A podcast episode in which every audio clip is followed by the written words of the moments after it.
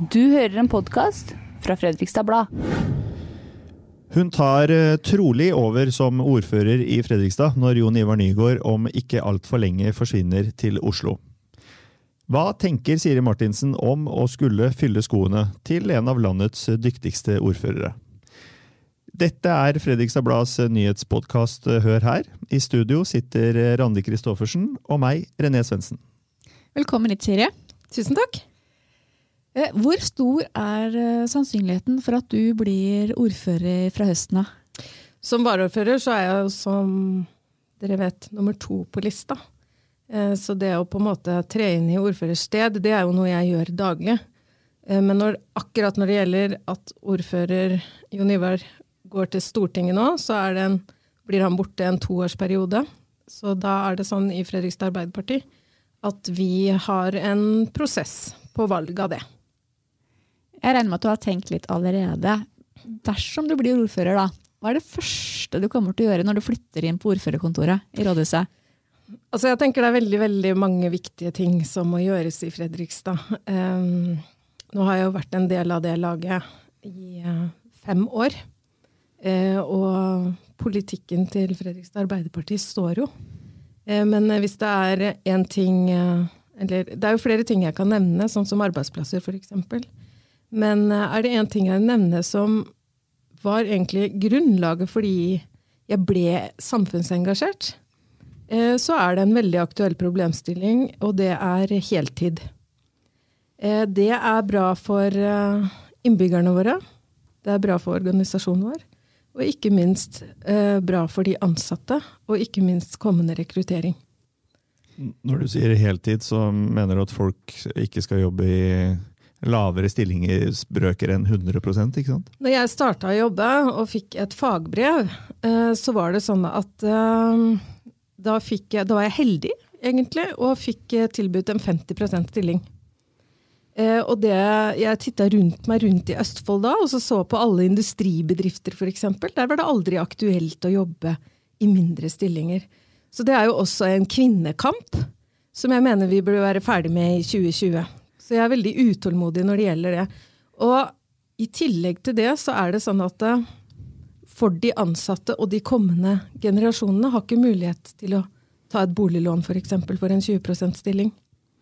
Eh, for lederne så handler jo det om er du leder for 40 eh, årsverk og har 82 hoder, så sier jo det seg sjøl at det er mer krevende. Og i bunn og grunn så handler jo det om å gi gode tjenester til innbyggerne. Samtidig så er jo det med, med, deltidsstillinger med på å skape fleksibilitet, og kanskje også bedre økonomi i offentlig drift. Da. Det å kunne flekse mer med flere medarbeidere. Betyr ikke det noe? Altså, Målinger viser egentlig det motsatte. Fordi at når du har faste stillinger på en arbeidsplass, blir man mer trygg, man får mer kompetanse, det viser seg at sykefraværet går ned. Så det er egentlig det motsatte av det, det du sier der. Men tilbake til ordførerjobben. Hva er det som skremmer deg mest ved en sånn jobb? Jeg tenker at det er veldig, veldig ansvarsfullt. Og hvis det er sånn at man får en tillit til å være ordfører, eh, så blir man jo veldig ydmyk overfor den tilliten. Og, eh, men samtidig så er det jo mange muligheter til å gjøre det som engasjerer deg mest. Da. Nå svarte du egentlig ikke på spørsmålet. Hva er det som skremmer deg? At det er en stor og ansvarsfull oppgave. Det er en tillit som du må forvalte, basert på at veldig mange gir deg tilliten da, til å utføre det oppdraget. Eh, du snakker om tillit er det sånn at, og det ansvaret. Er det sånn at du kommer til å ligge opp våken om natta? Jeg kan si det sånn at nattesøvna mi og sovehjertet mitt er veldig godt. Eh, jeg, eh, jeg har um, ja, Men det er nå. Nå er du varaordfører. Det blir noe helt annet, vet du. Ja, jeg har vært Jeg har vært Altså, jeg har vært i noen kriser før, da. Og jeg er um, veldig glad i å sove, og jeg sover veldig godt og sovner veldig fort og har et veldig godt sovehjerte. Så det bekymrer meg ikke. Så det å være ordfører er å være i en uh, lang krise? Nei, det er det selvsagt ikke. Men, uh... nevnte i innledninga her at uh, du um, Dette begrepet med å ha store sko å fylle. Jeg antar at du både har hørt det noen ganger i det siste, og sikkert har tenkt på det sjøl. For uh, jeg regner med du også er en av de som syns Jon Ivar Nygaard er en god ordfører. Hva, hva gjør det med deg, å vite at du kommer til å bli målt mot han fra dag én? Jeg tenker at um, um, jeg må fylle mine egne sko. Uh, og det har jeg måttet i alle roller jeg har hatt uh, fram til nå. Og det er noe jeg Det er ikke noe valg jeg har. Altså, jeg har mine sko, og dem må jeg gå i på best mulig måte ut ifra det jeg har av erfaring og kunnskap.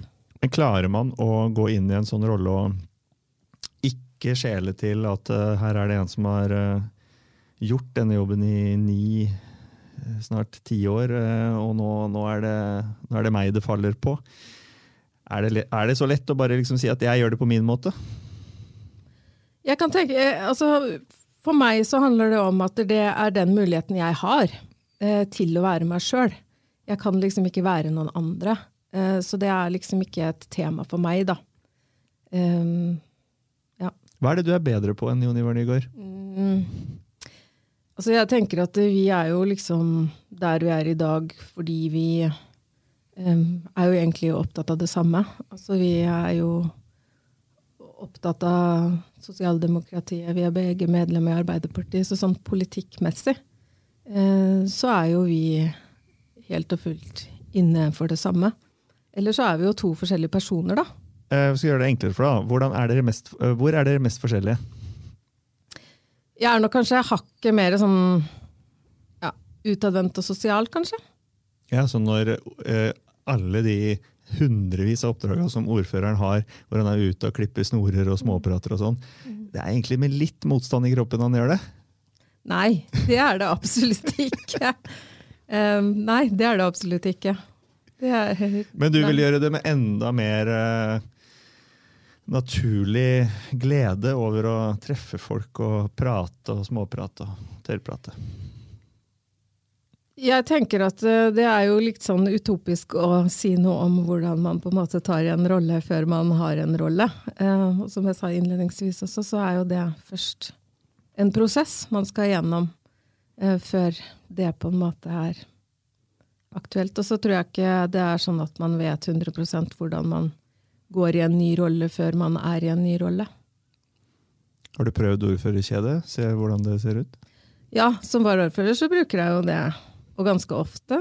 Når vi vier, f.eks., så bruker man kjede. Og det er jo en del av jobben min nå som varaordfører, er jo å tre inn i ordførers sted når han ikke har anledning. Hvordan, hvordan føles det å ha det på seg? Mm, det er jo på mange måter veldig ærefullt. Husker første gangen jeg hadde på meg, så syntes jeg det var litt sånn Altså, man fikk veldig bevis på hvilken rolle man hadde fått, da. Og det, samtidig så er det veldig flott markering. Eh, sånn som på vielser, f.eks. Så syns jeg det markeres veldig flott, da. Du er jo opptatt av likestilling. Ville, ville det vært et sånn type kjede som var symbolet på ordførervervet hvis det var vanlig at kvinner hadde den jobben eh, fra den gang det ble skapt, tror du? Nei, det vil jeg ikke spekulere i. Det, det jeg kan si, er at det ordførerkjedet passer bedre på et eh, dressjakkeslag enn det passer på en kjole. Nettopp. Du må bare gå i ensfarva, f.eks. Mm. Men helt ærlig, har du noen gang drømt om å bli ordfører? Jeg kan si at engasjementet mitt ligger et helt annet sted. Eh, det ligger egentlig på det engasjementet jeg har for samfunnet. Eh, og at man ønsker å gjøre en forskjell, og at man blir engasjert i saker, og man ønsker å bidra. Så der ligger egentlig engasjementet mitt.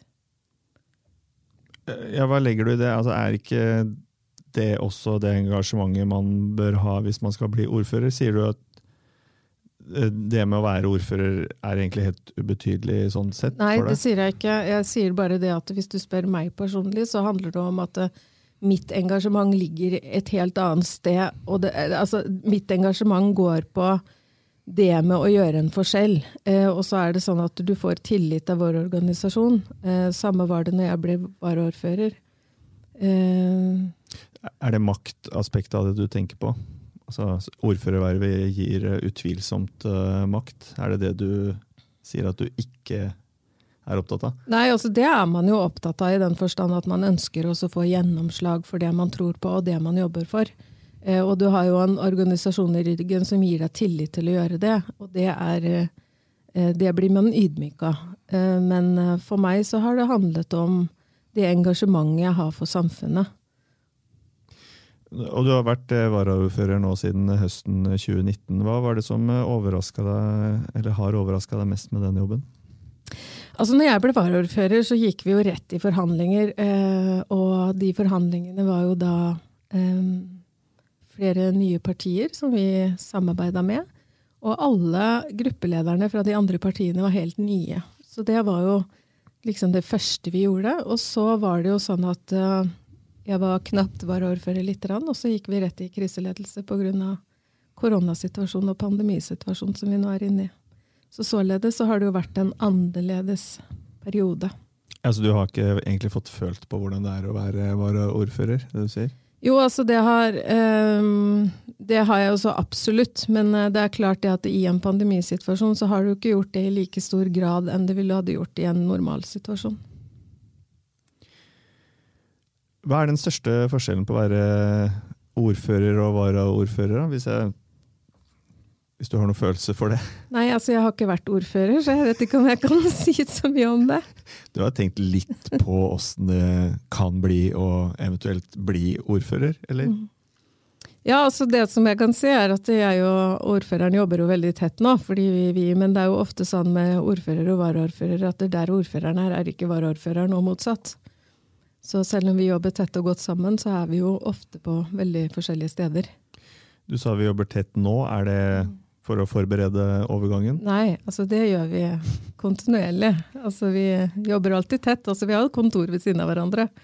Og vi sitter i de samme møtene og behandler de samme sakene. Så vi, vi, vi har et godt samarbeid. Så det er ikke litt mer nå av at han eh, liksom forbereder deg på hva som skal skje?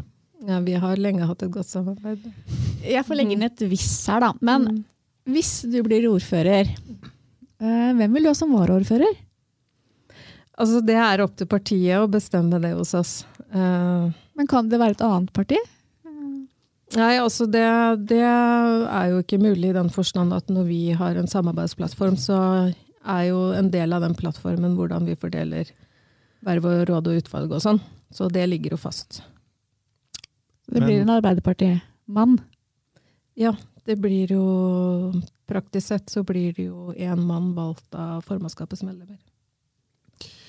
Men, eh, men, hvem ville du foretrekke hvis du fikk bestemme? Altså, Jeg vil ikke spekulere i det, for det er opp til partiet å avgjøre det. Er målet ditt å stille som uh, valg som ordfører i neste periode, altså 2023? Altså Det jeg konsentrerer meg om nå, er først er å være varaordfører, og som jeg sa, så skal partiet gjennom en prosess. Eh, og så får vi rigge et nytt lag når Jon Ivar eh, forsvinner.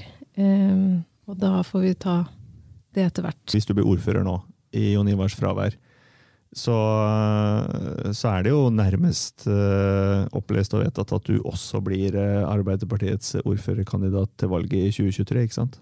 Altså, Vi har jo en nominasjonskomité da, som skal uh, Men i praksis så vil jo ikke partiet nominere en annen ordførerkandidat enn deg når du sitter som ordfører? Det er opp til partiet. Jeg vet ikke om du kjenner Fredriks Arbeiderparti mer enn meg, men vi har i hvert fall en nominasjonskomité som jobber med det. Så, så, du tenker at det kan være mulig? At du sitter som ordfører, og så er det en annen ordførerkandidat som lanseres? Altså Det jeg sier, er at det er partiet som lager prosesser på det. Men Siri, litt uh, mer av det private og personlige. Uh, du snakka om kriser i stad. Mm. 2011 var et tøft år for deg. Ja, da samla jeg liksom alle krisene mine på ett år. Og du mista pappaen din? Ja. Han døde i kreft. Og så ble du skilt, mm. og alenemamma til to små jenter. Mm. Hvordan takla du hverdagen og sorgen? Det er uh, å ta en dag av gangen.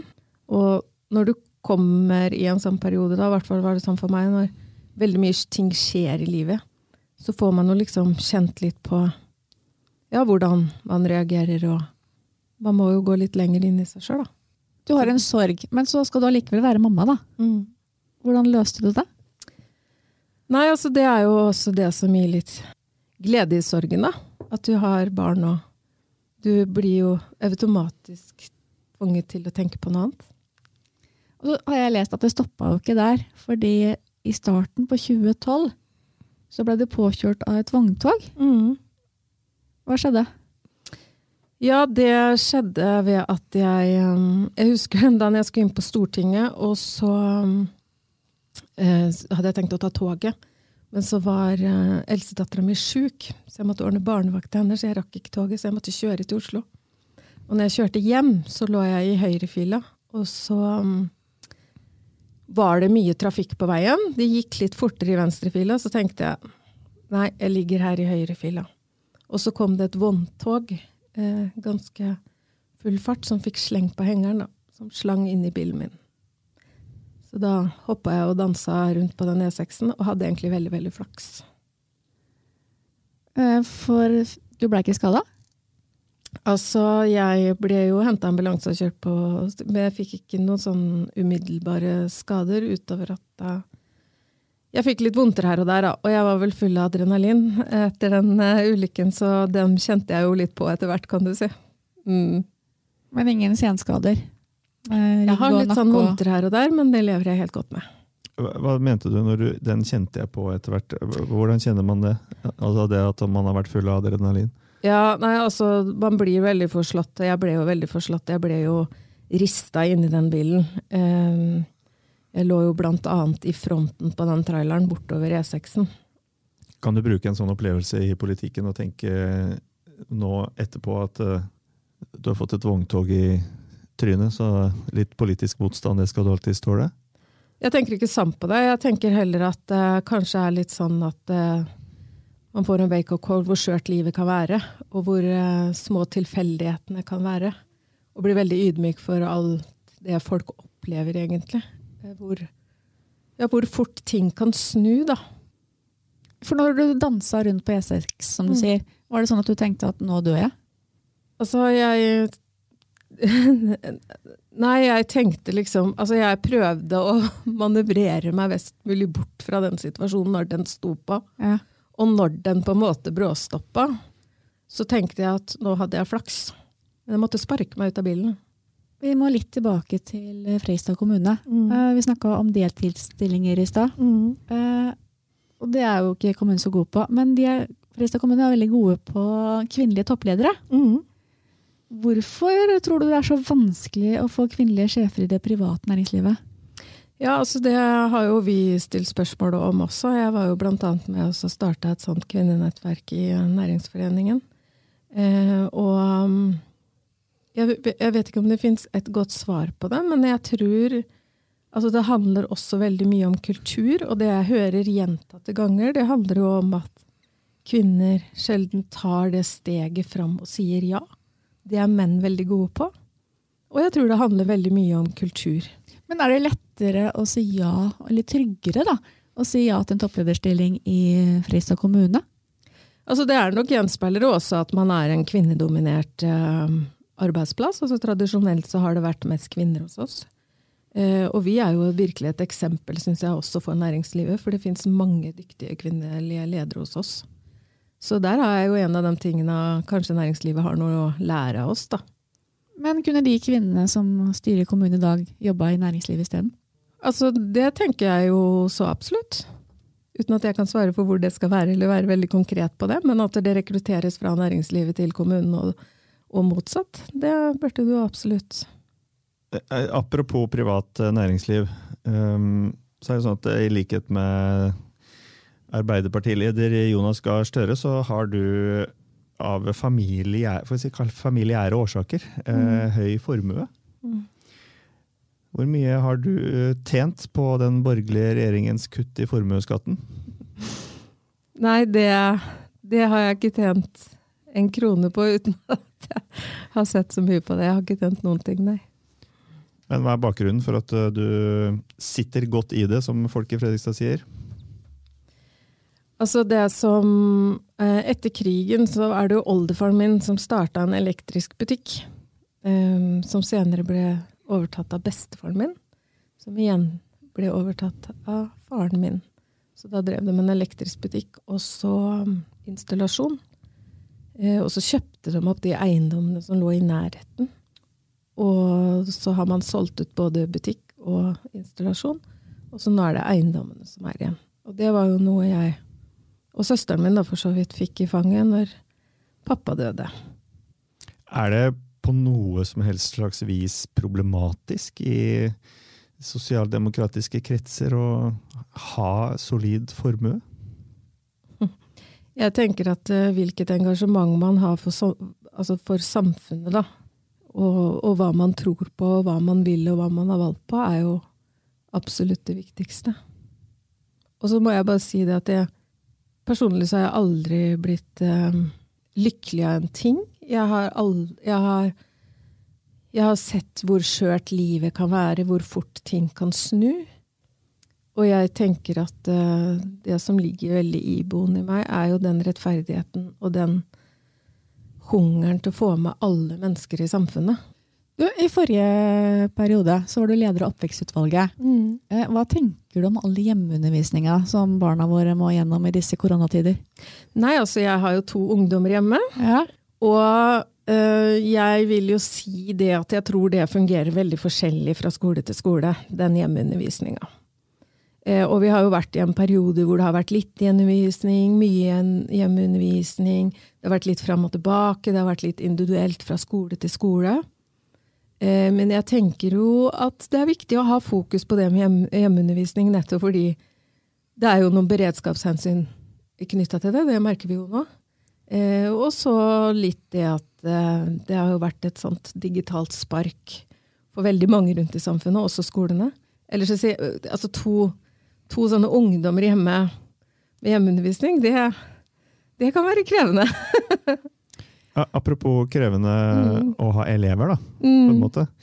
Eh, så er det etter hvert eh, flere og flere lærere, eh, og også i Fredstad kommune, mm. som nå reagerer på at de, mens hele resten av samfunnet anbefales og vi, skal ikke besøke hverandre og vi, mm. skal rett og slett holde oss for oss sjøl, mm. mens lærerne blir tvunget til å ha et hundretalls nærkontakter hver eneste dag på skolen.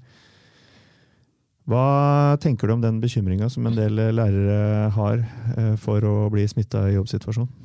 Jeg tenker at i den pandemisituasjonen vi er nå, uh, så er det sånn at både helsepersonell, bussjåfører, taxisjåfører, butikkmedarbeidere. Altså det er veldig mange som står eh, i nærkontakt. Og det man har gjort med de tiltakene man har gjort, handler jo om å holde smitten på ett nivå, så de ikke overbelaster. Eh, og når det gjelder skolen, så har vi jo prøvd å tilrettelegge på best mulig måte. Eh, sånn at ikke man har flere hundre nærkontakter eh, per dag. For sånn skal det ikke være ute i skolen i dag. At man men, har flere det, hundre nærkontakter. Nei, ikke flere hundre, men det er, det, er, ikke uvanlig å ha mellom 50 og 100. Da, fordi det er praktisk umulig å Det spørs hvordan man definerer nærkontakter, men hvis du er i et, et rom, et lite rom, mm. sammen med 25-30 femte-sjetteklassinger, mm. så, så tror jeg du føler som at dette er Alle disse er mine nærkontakter. Mm. Og hvis du da går i to-tre sånne klasser i løpet av en dag, så har du nærmere 100 nærkontakter. Men definisjonen på nærkontakt, da, det er jo to meter i mer enn 15 minutter. Og, og Men skjønner du at lærere eh, fnyser litt av det? Fordi at eh, deres hverdag er elever som er eh, litt høyt og lavt og opp og ned og må trøstes her. Og jeg tror det er mulig å argumentere for at det er annerledes for lærere enn f.eks. For, for bussjåfører som sitter foran i en buss med munnbind, og passasjerene går på på midten og ikke er i nærheten av den bussjåføren i løpet av dagen, eller ansatte i en butikk som står bak en plastskjerm eh, med munnbind og betjener kunder som også har på seg munnbind. Mm. Jeg må personlig innrømme at jeg skjønner Eh, at lærere tar en veldig stor eh, mental, i det minste, belastning nå i dagens eh, samfunn. Ja, og det er ikke noe tvil om det, at det er belastende. Og jeg tenker at det er belastende for hele samfunnet. Altså det er også av våre hjelpetjenester som er å jobbe direkte med de som er koronasyke. Eh, og så er det litt med det, da, at eh, hvis det er sånn at vi stenger og legger ned alle skolene altså Vi har jo fått veldig tydelige anbefalinger fra regjeringa at barn og unge skal vernes. Og hvorfor det? Jo, det handler jo om at man er veldig redd for at man går glipp for læring, og læring er viktig for barn og unge. Den sosiale biten mellom barn er viktig, og ikke minst så er det jo viktig for næringslivet. For dersom man på en måte har mange folk i næringslivet som har behov for SFO eller lærere, eller altså skole, så vil jo det få store konsekvenser for næringslivet. Det har vi jo noe erfaring med, for det ble jo nedstengt i førsten av pandemien. Så det her er jo vurderinger man har gjort nøye, eh, også vi i Fredrikstad, i tett samarbeid med nasjonale myndigheter og FHI. Apropos det. Eh, nå var det et eh, formannskapsmøte på onsdag som diskuterte de nye tiltakene som har blitt innført eh, i dag. Der er det et nærmest unisont formannskap som skryter uhemma av den jobben administrasjonen i Fredrikstad kommune, og særlig kommuneoverlegene, gjør. Vi her i Fredrikstad har også skrytt av kommuneoverlegene. Samtidig så har jo de ansvaret for en kommune som har over lang tid og i flere omganger vært en verstingkommune i landet på koronasmitte. Er vi for snille med kommuneoverlegene? Jeg, jeg, må også få si det når det gjelder korona, at veldig mange av de tiltakene gjør vondt. Eh, og jeg husker den første dagen hvor jeg satt i kriseledelsen. Ordføreren var sjuk. Eh, og vi satt på jobben fra åtte om morgenen til ni om kvelden. Og jeg gikk meg en tur og så tomme gater i Fredrikstad. Altså, det gjør vondt, og veldig mange av de tiltakene gjør vondt. Eh, det som er bekymringsfullt i Fredrikstad nå, er jo at vi ikke får smitten ned. Den er stabil, men den er altfor høy. Og vi får den ikke ned med de tiltakene vi har hatt fram til nå. Og nå kom det jo igjen nasjonale føringer. Og da har jo vi på en måte fulgt de nasjonale føringene. I tillegg så har vi gjort noen vedtak som går på anbefalinger fra nasjonalt der det er høyt smitte. Så det er en viss logikk i hvordan vi har behandla det. Men det er klart, det er ingen eksakt vitenskap med det her. Altså, det er en ny situasjon. Men vi har jo da hatt noen erfaringer med det vi har gjort. Og nasjonale myndigheter ser jo også utover våre egne landegrenser og høster erfaringer derfra. Så vi har jo i denne debatten også veldig høy tillit til FHI og den jobben som gjøres der. Det har jo aldri vært noe mål at ingen skal bli smitta. For når vi er i en pandemisituasjon, så vet vi jo at folk blir smitta. Eh, og det får vi jo ikke stoppa før vi får en vaksine. Så det at uh, uh, dobbelt så stor andel av befolkningen i Fredrikstad har uh, vært uh, smitta som i landet for øvrig, det er fortsatt grunn til å være kjempefornøyd med den jobben vi har gjort? Nei, altså, altså jeg tenker at um, det vi har gjort, har jo vært å se på hvordan er det vi Altså det er jo hele tiden avveininger her. Avveininger med hvor strenge tiltak man skal ha, og avveininger med hvilke konsekvenser det gir. Eh, og jeg tenker at, eh, at vi hadde strengere tiltak nå, var helt nødvendig, basert på den situasjonen med at det har vært høyt, men stabilt. Og for å gi deg et eksempel, da, altså selv om det har vært høyt nå, så har det vært stabilt. Dersom det ikke hadde vært stabilt, så tenker jeg at vi hadde hatt behov for strengere tiltak. Nå så er det jo en stor frykt for at jula har bydd på en ny smittebølge. Derfor strengere tiltak, selv om vi egentlig er på samme nivå som vi har vært. Ja, og Nå skal man gå over til eh, en sånn uh, forebyggende strategi. da. Eh, der hvor man før har satt inn tiltak der hvor man har sett at det har vært mye smitte, så skal man nå eh, på en måte lete litt, da, som eh, sånn blind høne finner korn-leting. Fordi man vet jo ikke om det eh, vil kunne bli smitte på treningssentre eller på bingohaller eller i svømmehaller. Men fordi man eh, tenker seg til at det kan hende at det er steder hvor det blir smitte, så stenger man det. Det er en helt ny strategi. Politisk veldig, veldig krevende. Eh, og den ble likevel eh, enstemmig vedtatt og med bejubling av kommuneoverlegenes arbeid. Skjønner du at eh, mange nå eh, også reagerer på at eh, det iverksettes eh, tiltak eh, f.eks. på treningssenteret der det knapt har vært smitte i Fredrikstad? Jeg kan si det sånn at det har variert under hele pandemiperioden. Fra når på en måte eh, 12. mars, når den røde knappen ble trykka på, så var det veldig sterke nasjonale føringer. Fredrikstad hele veien forholdt oss veldig til de nasjonale føringene, kommunisert de nasjonale føringene veldig. Etter sommeren så endra man noe på det, og så sa det at nå må kommunene vurdere tiltak sjøl ut ifra sin smittesituasjon. Og så er det helt riktig som du sier her, at nå på søndag så endra man det fordi man frykter da en stor smittebølge. For det har vært mye nærkontakt gjennom eh, jul. Som gjør at man nå vil man bare stenge mest mulig ned for å på en måte hindre en stor smittebølge. Prøve å bremse den. Så det er jo egentlig de faglige argumentene for at man stenger såpass som man gjør. Og da handler det om å minske antall folk på samme sted. Eh, Så det er jo den faglige begrunnelsen. Og Fredrikstad, da, som har høy grad av smitte, har jo da kommunelegene gjennom tett samarbeid med FHI eh, vurdert de punktene som eh, kommuner med høy smitte skulle vurdere. Og det var jo bakgrunnen for den saken vi fikk i formannskapet og behandla der. Og jeg må jo bare si jeg syns det er veldig fint at de politiske partiene står samla i en sånn situasjon vi står nå. Tror du vi er ferdig med korona når du tar over som ordfører i Fredstad til høsten? Jeg har ikke, tenkt å spekulere i eh, når vi blir ferdig med korona, men eh, jeg håper at vaksinene kommer fortest mulig, og vi kan, at den innsatsen vi gjør nå, eh, kan gi oss en fin vår og en fin sommer.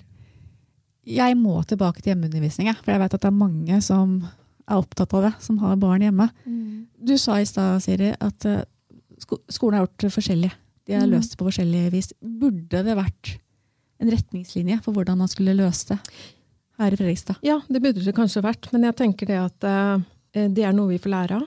Eh, og så er det også sånn at eh, vi har jo, bare for å forklare situasjonen, så på søndag kveld fikk vi endra hvordan vi skulle jobbe i Fredrikstad kommune. Onsdag hadde vi en sak på bordet i formannskapet. Så ting skjer veldig fort her. Og det er veldig krevende å omstille seg på bare noen få timer. For det er det man gjør, og det er jo det også skolene er utsatt for. Så jeg skjønner jo at det er veldig krevende og vanskelig. Men det er jo ikke noe nytt, for nå har vi holdt på siden 12. mars, Mm. det med hjemmeskole. Man Mm. burde vel kanskje hatt noe klart nå. Ja, og det er vel eh, noe som vi kommer til å se på og egentlig har stilt spørsmål om. Fordi da er det jo veldig mange barn som har blitt gode i PlayStation. I hvert fall hjemme hos meg. Netflix er jo noe annet. Ja. Ja. Eh, hva gjør denne koronaperioden, og hvordan det er da, med Mm. barn sin motivasjon til å gå på skolen? Ja, det er liksom to ting som eh, er eh, mine store bekymringer. Og det er jo næringslivet og sårbare familier. Eh, og sårbare barn. Jeg tror ikke vi vet rekkevidden av hvilke konsekvenser det her gir. Både med tanke på sårbare barn, men også ja, er det sånn at barn har fått med seg det man skal på skolen? Er man klar? Sjøl har jeg en tiendeklassing som skal søke videregående skole. Eh, Hvordan blir det siste året på grunnskolen for henne før hun går ut i videregående skole?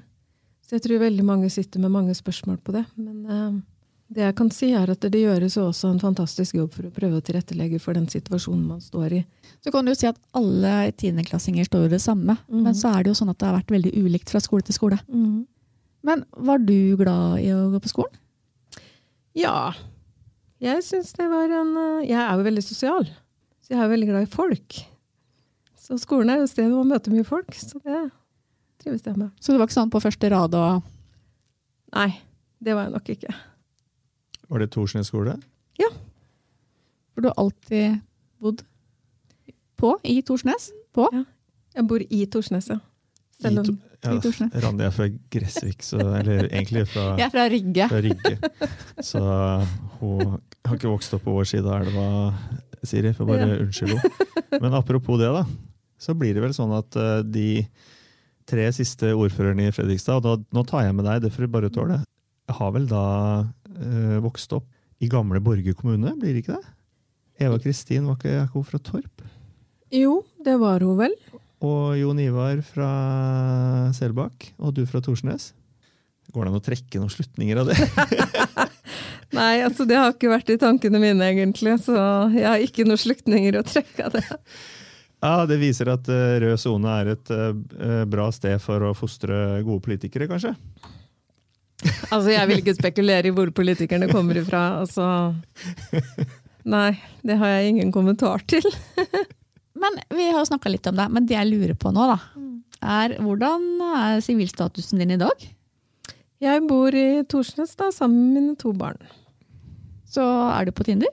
Nei, Nå lurte jeg på, Hva ville stått på Tinder-profilen din? ja, ja, nei det, det vet jeg ikke. Jeg tror ikke det er noe bra sjekketriks å være politiker, egentlig. Men uh... Nei, og det er vel kanskje et enda dårligere sjekketriks å være ordfører når man vet hvor mye en ordfører jobber. Så du har jo noen måneder på deg nå, da. Eh, Men eh, vi står foran en sommer. Og jeg tror vi har møttes noen ganger eh, etter, eh, etter, etter at Månefestivalen er slutt på lørdag kveld, i teltet i hagen der. Tror du vi møtes der i sommer? Apropos korona. jeg håper det. Jeg håper det. Jeg håper det. Jeg håper at folk kan møtes igjen, og vi kan klemmes igjen, og at vi kan leve normale liv. Det er jo det vi håper på. Da avslutter vi praten vår eh, med, med et håp, eh, som vi alle har. Eh, og så skal vi formelt avslutte med en fast spalte som vi har her i denne podkasten. Det er ukens anbefaling, hvor Randi og jeg kommer med en anbefaling om hva som helst. Og du, Siri, kan få lov til å anbefale noe hvis du har lyst på slutten. Randi, jeg vet at det, det, vi Det er litt snakka om det litt tidligere. Det skjer liksom Det skjer litt ingenting for nå. lite. Og vi går egentlig rundt og bare bryr oss om uh, korona og uh, lever litt sånn uh, hendelsesløse liv. Så, Kjedelig, faktisk. Har du noe, har du noe anbefaling? Jeg har en liten eh, sånn nyhetsanbefaling, da. Ikke en nyhet-nyhet, men eh, nå er det kommet lys i Gressvikmarka. Kom nå i går. Så en tur opp på sprinkelet, og gjerne opp på det utkik- utkikkstårnet der, er en god anbefaling. Ja, men da må du jo komme ned, da må du til Gressvik. Ja, Du kan ta ferja over, og så kan du bare gå opp. Det er ikke så langt. Du Kan ta ferja fra østsida, faktisk. det går helt fint. Og så har jeg en anbefaling til, eller noe jeg skal gjøre i helga. da. Siden ikke vi kan ha folk, og det er litt sånn kjedelig å gå hjemme, mann på hjemmekontoret sånn. Så jeg har tenkt at vi skal sette oss ut, kanskje med bålpanne sammen med naboen, med å holde avstand og drikke kaffe. Det tror jeg. Må være sammen med noen, selv om vi ikke får lov til å være hjemme hos hverandre. Ja. Og nå, det vet jo ikke du, men nå stjal du min anbefaling. For, eh, for jeg har også invitert eh, noen naboer til eh, skauen i nærheten av der vi bor. Så da skal vi tenne bål og grille et eller annet. Og være litt sammen fra hverandre på lørdag kveld. Eh, og det Nå er jeg litt redd for at eh, det kommer Det blir sånn første mølla Den bålplassen, bålplassene kommer det til å bli rift om i helga. Det er derfor du bør ha det hjemme. Så anbefalingen min er vær tidlig ute og gjør sånn som i, i Syden. Når du legger eh, Dere husker det? Det var en, gang, det var en gang det gikk an å reise til, eh, ut, ut av Norge, til sydlige strøk, og bo på hotell. Eh, Og da, når man skal ha solseng, så står man opp grytidlig og legger håndkleet sitt der. Så det må folk gjøre i helga. Eh, Rett og slett legge, sitte, legge fra seg sitteunderlaget og ryggsekken på en bålplass tidlig om morgenen. Jeg må bare spørre, seriøst, har du noen gang vært ute med et sånt håndkle? Jeg har aldri gjort det, men jeg, er, eh, jeg har stått og sett på at eh, folk gjør det. Og jeg har stått i sånn håndklekø i en eller annen sammenheng ved et, eh, ved et sånt basseng. Og det er, det er, det er ikke en av de, de tinga vi lengter tilbake til, nødvendigvis. Men akkurat nå så hadde vel alt vært å foretrekke fremfor eh, det vi nå utstår. Men eh, Siri, har du lyst til å anbefale noe? Ja, etter jeg hørte deg, så tenkte jeg hotelt. Kanskje hotelt. Det hadde jo vært noe. Men altså det jeg tenker er, um, Hvis jeg skal gi en anbefaling, det er å være kreativ, tenk nytt. I den forstand at prøv å finne det rommet du har muligheten til å gjøre. Og nå har jo dere gitt noen eksempler på det. Det er bålpanne. Sjøl så var jeg sånn at jeg pusla faktisk et puslespill når, eh, når pandemien slo ut. Det har ikke jeg gjort på mange, mange, mange, mange år. I Hvor år- mange biter? 1500. Oi! Ja. 1500, det er ganske mange. Og i går så dro jeg frem symaskin. Den har ikke vært framme heller på flere år. Så jeg tenker, tenk nytt, tenk hva man kan. Og dra gjerne fram noen gamle kunster. Det tenker jeg vi må gjøre det beste ut av den situasjonen vi er i nå, selv om den er trist. Så er det noe med å prøve å gjøre den litt hyggeligere, da. Godt råd, men ligg gjerne unna det som jeg så her om dagen. altså Puslespill på 2000 biter med hvor motivet er et koronavirus. Dropp det. Ja, det er jeg enig i. Ta et sånt puslespill som gir deg god energi. Prøv å liksom få en god energi, og bruk de kreative evnene du har til å finne på nye ting. Bra. Eh, tusen takk for at du kom til oss, eh, Siri Martinsen, som ikke vil forskuttere at du blir ordfører, men som, eh, som kommer til å bli det i Fredrikstad kommune. Takk til deg, Randi. Takk for at God tur på morgen.